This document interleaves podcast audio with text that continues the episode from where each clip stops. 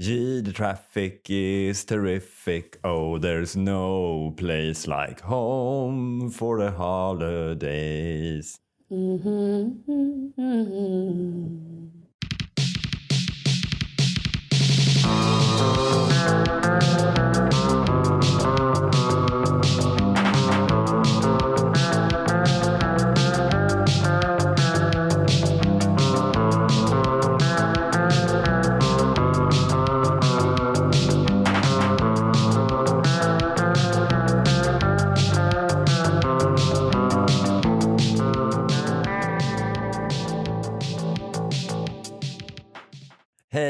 Ellen Theander.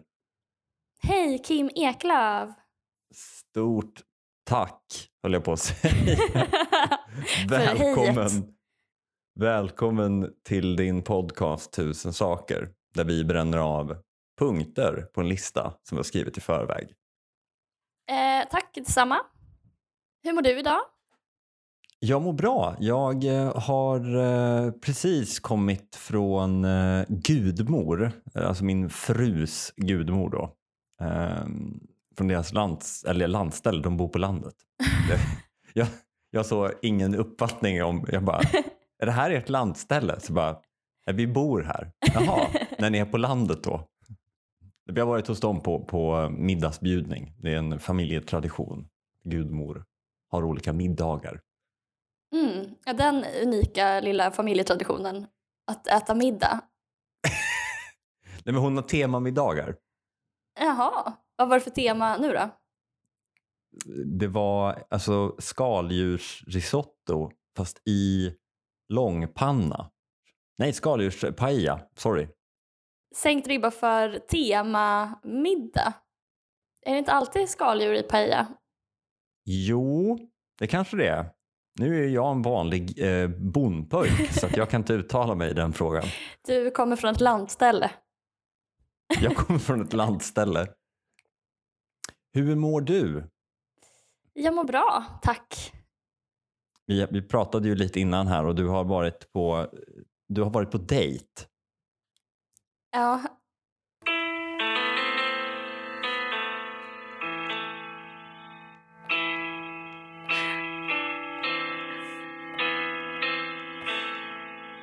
Ellens killproblem mm, Ellens killproblem eh, Precis, med en dörrvakt som eh, blev kär i mig för att jag bad att få gå in gratis. Det är Eh. ändå en bra reaktion. ja, Den har han aldrig hört förut. precis. Det är roligt att eh, ingen har kommit på eh, att fråga tidigare. Ja, Eh, han bara, du måste betala och du bara, måste jag? Och han bara, nej, egentligen inte. Det är världens longest running scam. ja, ja. Nej, men det bara slog mig att det är roligt att du, ehm, du unnade en kille att det fick funka. Liksom. Vilket? Ja, men att så här, eh, vilka vackra ögon du har. Ska vi höras imorgon? Typ. Det, är ju ett, ett fint sätt av dig att kasta alla andra kvinnor framför bussen. Att du uppmuntrar den typen av beteende. Ja men precis. Ja, men det är det som oroar mig lite um, med den här eh, livsstilen, eller vad man ska kalla det för, jag har som, är, som går ut på att uh, försöka underhålla mig själv genom att fatta roliga beslut. Alltså oväntade beslut, som att eh, gå på dejt med en dörrvakt. Nej, men jag, jag känner mig ofta som en strejkbrytare på så vis att Mm. eh, jag var ju ihop med en äldre man till exempel. Mm. Jag tror att eh, problemet med att vara ihop med en äldre man är ju att man vill vara ihop med en äldre man men man vill inte vara ihop med en man som vill vara ihop med en yngre kvinna. Mm. Nej. Och likadant, Jag förstår. eh, alltså, man vill vara kanske snygg och smal. Men genom att vara det Mm. så blir man samtidigt en strejkbrytare för att man vill ju inte att killar ska vilja ha snygga, smala tjejer och låta dem få det typ. Mm. Man kan inte vinna. på något sätt. Men det, det är sådana som, som du som liksom, när, när tjejer svär över att other stories bara har små toppiga trekants-bhs. Så är det för att jag har köpt alla dem. Ja, du slinker diskret ut bakvägen med en påse fylld. Ja, precis. Det kanske inte är patriarkatet egentligen som vi ska vara arga på utan det är dig. Ja, det är jag, precis. Att du Eh. gör sådana saker som går ut med dörrvakter, är smal och snygg. Ja, Då och då hoppar in i bilar som män, där män har ropat så. Tjena kexet. Du bara oj oj oj, här vill jag hoppa in. precis. Blir ihop med någon som har busvisslat efter mig. Det är jag som på något sätt uh, single-handedly bär upp hela patriarkatet. Du så frågar killar om, om Marx så att de får prata om det. Ja, Och så tänk, det och har sitter hänt du och mig på nickar riktigt. intresserat samtidigt. De bara, det här vill tjejer ha. ja, det har hänt på riktigt att eh, jag var på en eh, föreläsning i fyra timmar med en kille. Det var en dejt liksom på pappret men det var i själva verket bara att han pratade om Marx i fyra timmar. Och jag lever ju för den skiten. Män får gärna förklara saker för dig. Ja, precis. Det är bland det bästa jag vet. Det är du som har gått runt i alla klädaffärer och bara, hej, kan alla tjejkläders storlekar betyda olika saker? Jag vet att Ja. det finns, jag vet att det finns, i herrar finns det ju, ja men det finns ju eh, kavaj, kostymstorlekar och, och liknande. Men annars är det ju bara small, medium, large. Liksom. Och är det Mm. så att det är någon andra storlekar, då bygger de på olika kroppsmått. Alltså så, kavajstorlek är bygger på bröstkorgsmått delat på två. Ja, Och eh, skjortstorlek bygger på halsomkrets. okej. Ja, men för det är det, för att i, i bland eh, klädstorlekar för kvinnor så finns det ju ingen, Mm. det svarar inte mot någonting i verkligheten. Det är ett arbiträrt teckensystem. Det, är, det, är en, det är en fiat-valuta. Det finns ingen guldmyntfot som man kan växla in. Exakt. Det är bara ett nät av hänvisningar utan eh, referens, någon annan referenspunkt än sig själva.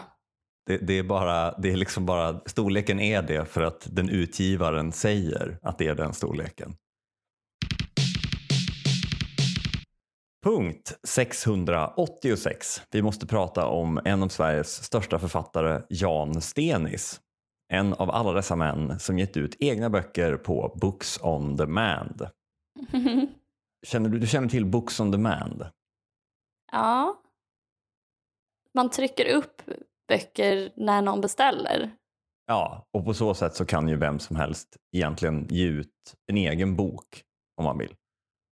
Det finns ingen risk inblandad Nej, som har varit förlagens traditionella roll. du, du skickar en pdf till en skrivare och om någon trycker på order så skriver skrivaren ut boken. Eh, Mm. Så det, det finns liksom, så att det, det är ett briljant sätt egentligen. För att du har en obegränsad upplaga. Mm. Um, Books on Demand tog väl egentligen fart där någonstans tidigt 2000 men, men slog väl inte igenom förrän senare 10-talet. En av de som var tidiga med, med Books on Demand var Piratrörelsen som Mm. mm. la upp sina egna skriva böcker om, om copyright och liknande som pdf-er. Vem som helst kunde ladda hem det men du kunde också betala en peng om du ville ha det i pappersformat. Så för enligt dem var det väldigt demokratiskt. Bland annat så var det då den berömda tidigare um, integritetsförespråkaren Per Ström. Jag vet inte om du kommer ihåg honom. Just det. Alltså det började ju med att Per Ström var en, alltså så här, för en sån liksom wonk från mig så var han ju en, en stor idol när han var liksom, när jag var så här piratpartistiskt aktiv när jag var typ 14. Ja. Ehm, för då skrev han, alltså han började ju i grund och botten som så här multimedia och marknadsföringsperson under 90-talet ja. och skrev då böcker som Kunskapsintensiv marknadsföring i praktiken eller Multimediaguiden för beslutsfattare med undertiteln Hur du lönsamt använder multimedia. Ehm, sakta men säkert så, så gick ju han över till um, tankesmedjan Den nya välfärden Mhm. en opinionsbildande svensk stiftelse som är alltså egentligen en nyliberal tankesmedja finansierad av Svenskt Näringsliv. Jag vet inte om du kan se ungefär vart i hans bibliografi då det börjar gå utför. Vi börjar någonstans 2002. Um, då ger han ut Prylarna snackar, en bok om liksom, ja, uppkopplad teknik. Sen kommer då hans första bok eh, Övervakad 2003 om elektroniska fotspår. 2006 med storebror i baksätet, digital övervakning av dina bilfärder.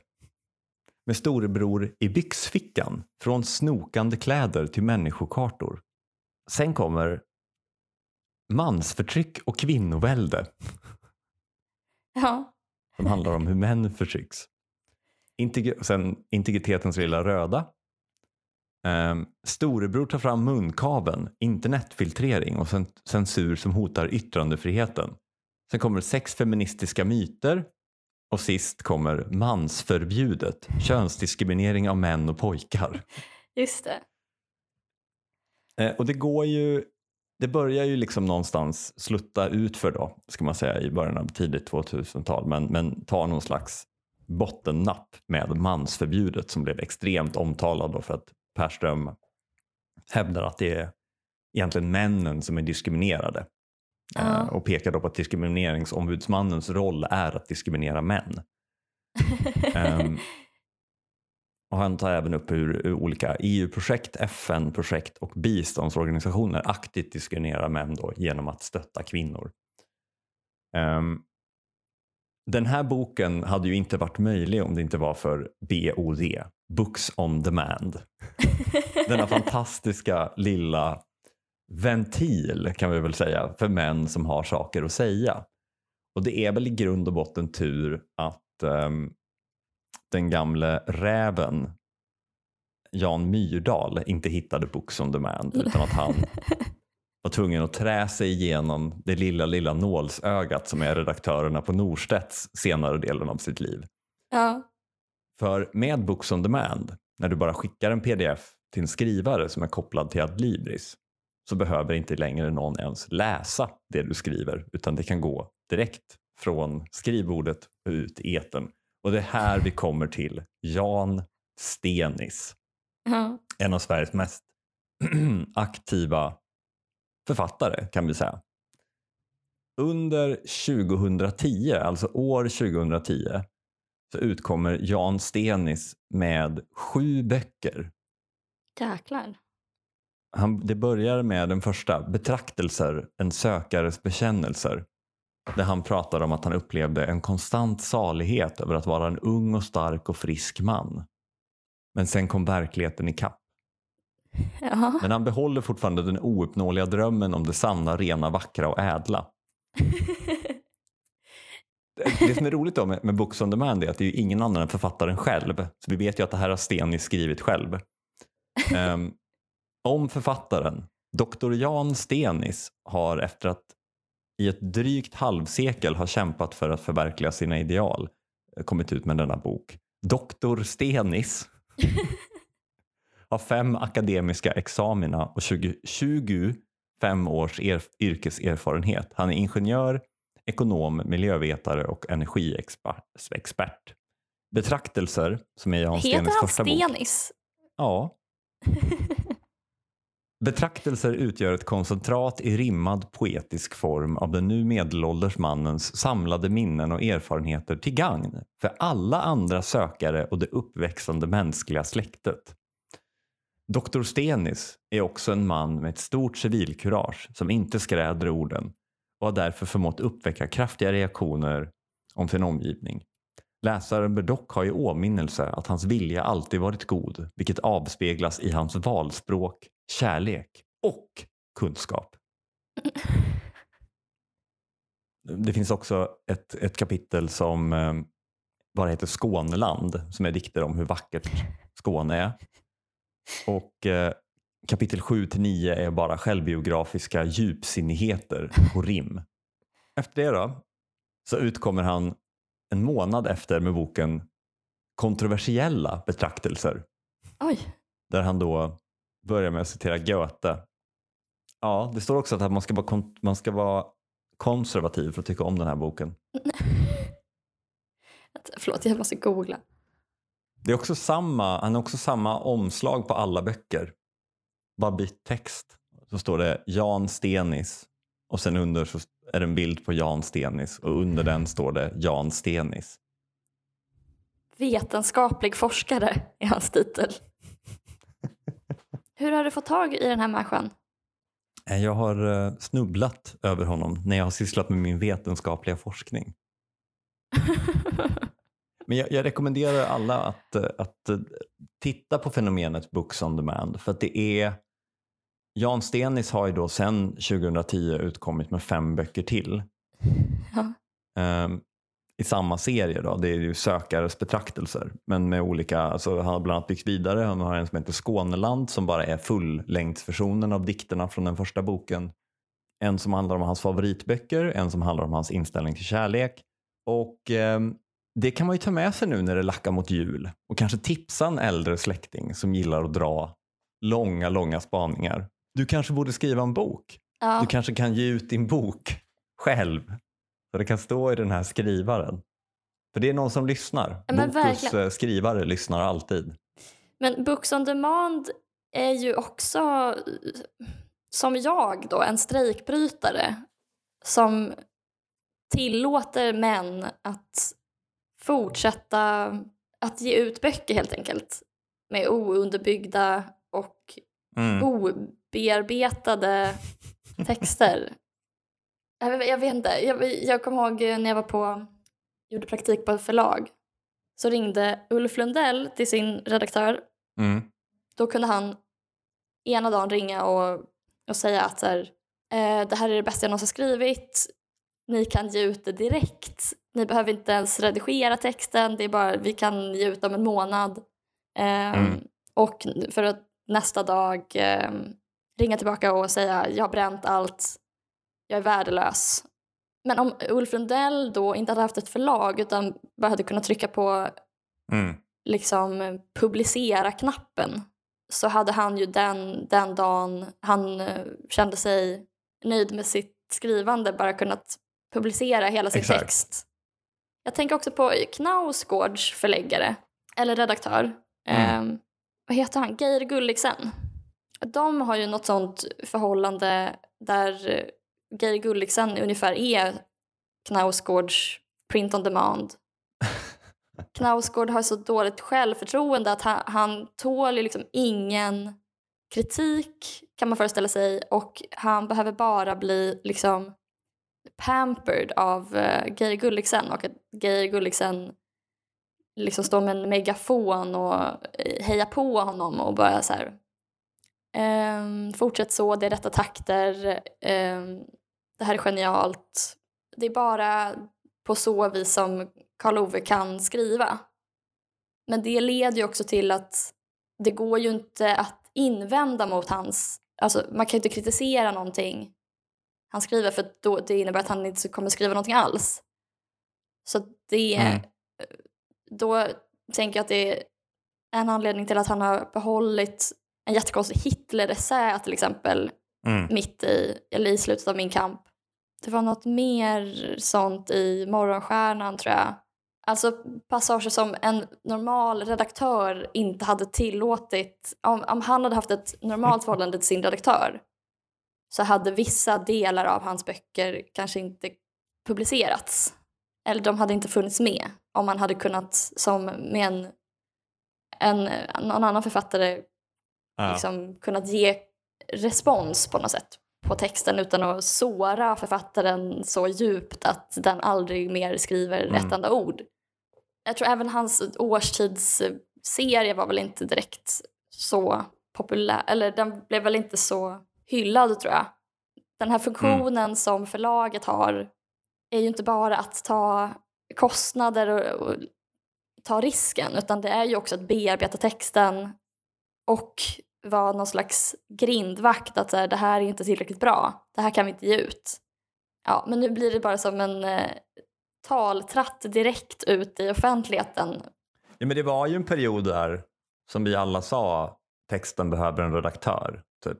Alltså back in the good old Twitter days med, med Mhm. mm. ajour och liknande. Att vi, Mm. Det var liksom, ja, men det var ju någonstans där när saker och ting började publiceras utan att det gick genom en redaktör.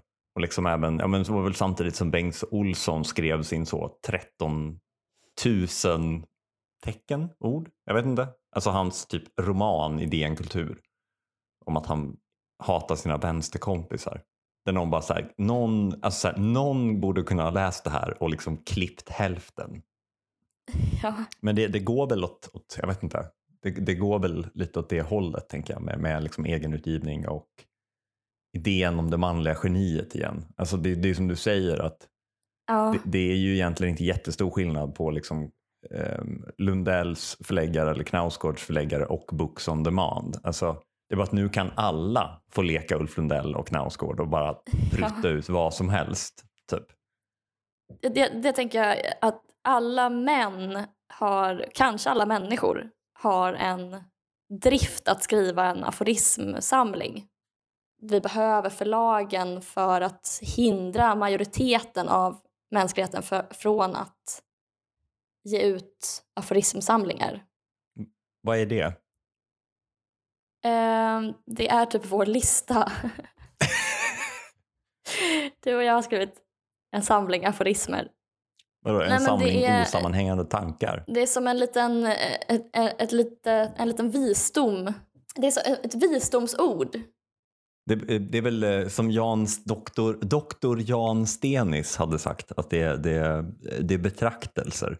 Precis, En precis. samling betraktelser. Vare sig det är om Skåneland eller hans populära uppföljare kontroversiella betraktelser. ja, Varning, läs inte om du inte är konservativ. ja. Det hade ju kunnat vara titeln på Horace Engdahls böcker också. Eller Den sista grisen i alla fall. Att det är som de här, vad heter de, eh, de som bara ger ut en massa skräpböcker som finns på typ Mm. Designtorget. Ninja Mm, just det. Publishing eller eh, Nico. Nico Text heter de va? Ja, just det.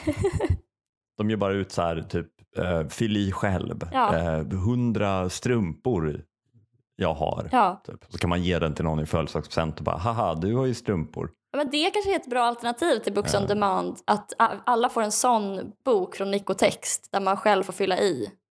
Man känner att man har fått säga det man vill.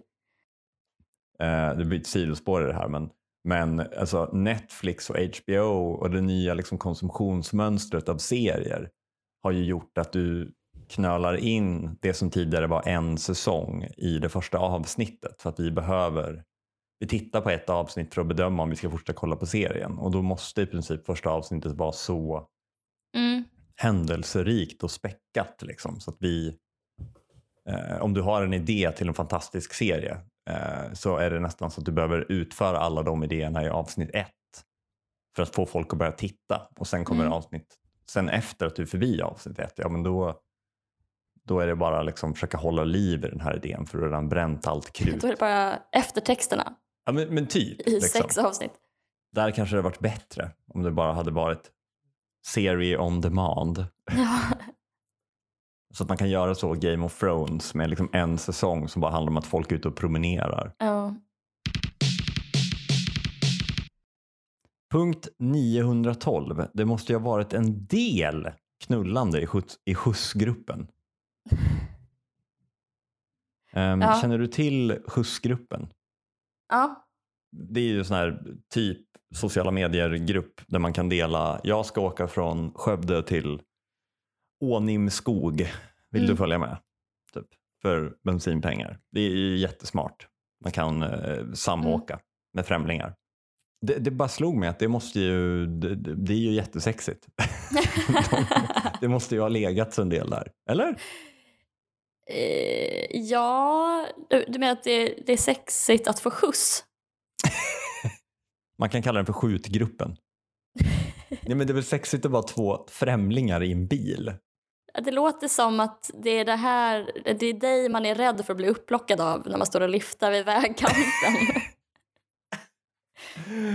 Eh, Att jag bara så, är det inte lite sexig stämning nu? Nej gud, för det första så skulle jag aldrig plocka upp en liftare. Jag är alldeles för uh, räddhågsen av mig. Du är rädd för liftaren? Ja gud ja. Eh, nej, men jag vet inte. Eller så är det inte något liggande i det för att alla är så här, det känns som att liksom, skjutsgruppen bestod av två typer av människor. Um, jag vet inte om de finns kvar, men, men um, det, det, ena var folk som var så här, typ kvinnor i 30 till 40 års åldern som älskar miljön och typ Ja. har en bil för att de bor lite utanför stan och behöver åka till veterinären ibland. Ja. Typ. Och då och då åkte de och hälsade på någon i Ånim skog och tänkte nu ska jag rädda klimatet. Och den andra halvan var så här 18-åringar som ville åka till Way Out West men inte hade råd med Ja. tågbiljetten. Så, och de grupperna känns ju traditionellt inte som att det uppstår någon värre sexig eh, energi emellan. Nej, men jag tror, jag tror nästan att jag tror att skjutsgruppen har som en väldigt bräcklig grund av asexuell stämning. Och att det bygger på att ingen får komma på den här tanken Mm. eh, som du nu har eh, tyvärr planterat. Det är väl ganska mycket som egentligen bygger på det. Ja, att ingen får komma och tänka på sex ja. Men så här, omklädningsrum, hissar, Ja, precis. precis. um, one-on-one eh, nattmöten. Ja, Det är väl egentligen, alltså, det är väl det någonstans som konferenser, liksom, de spräcker den ja, just det, precis. otroligt bräckliga grunden. Men nej, men ja visst, men det är ju det är väl lite... Eller vad är det du tänker är sexigt med att mm, åka bil? Var det knullig stämning mellan dig och Jakob när ni åkte? Alltså, vi åkte i en från- gammal Saab, det är väl det osexigaste vi har. Men det, men det fanns ju, alltså det, det är inte så att det- nu mellan mig och Jakob fanns det väl ingen sån stämning. Men sen var det ju väldigt, alltså så här, värmen var ju trasig så det var ju väldigt, väldigt varmt. så man hade kunnat så, ska vi klä av oss för det är så varmt? Ja, just det. It's getting hot in here. Jag tänker väl mer på att det kanske var liksom mycket ensamma, lite töntiga personer som var med och att de så hittar varann. Ja, Så här, Åh, jag älskar samåkning. För jag menar någonstans i Sverige eh, så- så känns det som att bilen är mer ett sätt att vara, i alla fall för alltså, den stora delen av oss som bor i någorlunda tätbebyggda områden och har bil. mm. Då har vi ju det mer för att vi hatar folk. ja precis. Ja, men därför det här, I skjutsgruppen sammanfaller ju två oförenliga kategorier på något sätt. Att det är kollektivister med bil. Ja, ja exakt. Det, det är ju liksom, du kan inte vara kollektivist med bil egentligen för att du skiter i miljön, vilket är alla oss. Och Ja, du Ja. är själv i din bil och det är toppen. Typ.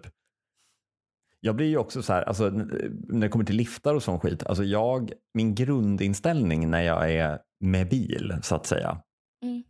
Är enorm stress. Typ. Alltså jag, så här, jag älskar att, att köra bil, jag älskar att åka bil. Ehm, men jag tycker inte om bil när den står still. Mhm. För då känner jag mig, jag känner mig liksom som du vet när man är ute på semester och så har man kanske, om man ska borta länge, man har packat två enorma resväskor som är väldigt så här otympliga. Och så kliver du av i ett främmande land och du vet inte hur du ska ta dig från flygplatsen och, och man vet liksom inte, okej, är, är det där en riktig buss eller är det typ så här ryska maffiabussen som kommer att dumpa mig i något skogsdunge? Kommer någon slita min väska? För att du, så här, du har ett stort åbäke som du behöver förvara någonstans. Så när jag liksom kör bil har jag inga problem för då är jag ju på vägen. Där får jag ju vara med min bil. Men när jag kommer fram då direkt stress. Var ska jag göra Mm, av det här två ton tunga åbäket som jag har? Jag fattar. Vart kan jag, jag vill lägga ifrån mig min bil. Jag vill inte behöva ta med mig den in på restaurangen. ja, just det. Slöjan faller, eller vad, vad säger man? Bilen avslöjar sig i sin eh, mm, materiella form Mm. på något sätt först när den stannar. Tack för den här gången Ellen Theander. Tack själv, Kim Eklöf. Vi eh, kommer ut på tisdagar klockan sex på morgonen. Lagom till Morgonlöprundan. Programledare du och jag, producent Sally Eriksson, ansvarig utgivare du. Mm. Vi hörs nästa vecka. Det görs av produktionsbolaget Manstillvänd AB. Puss ja. och kram. Puss och kram. Música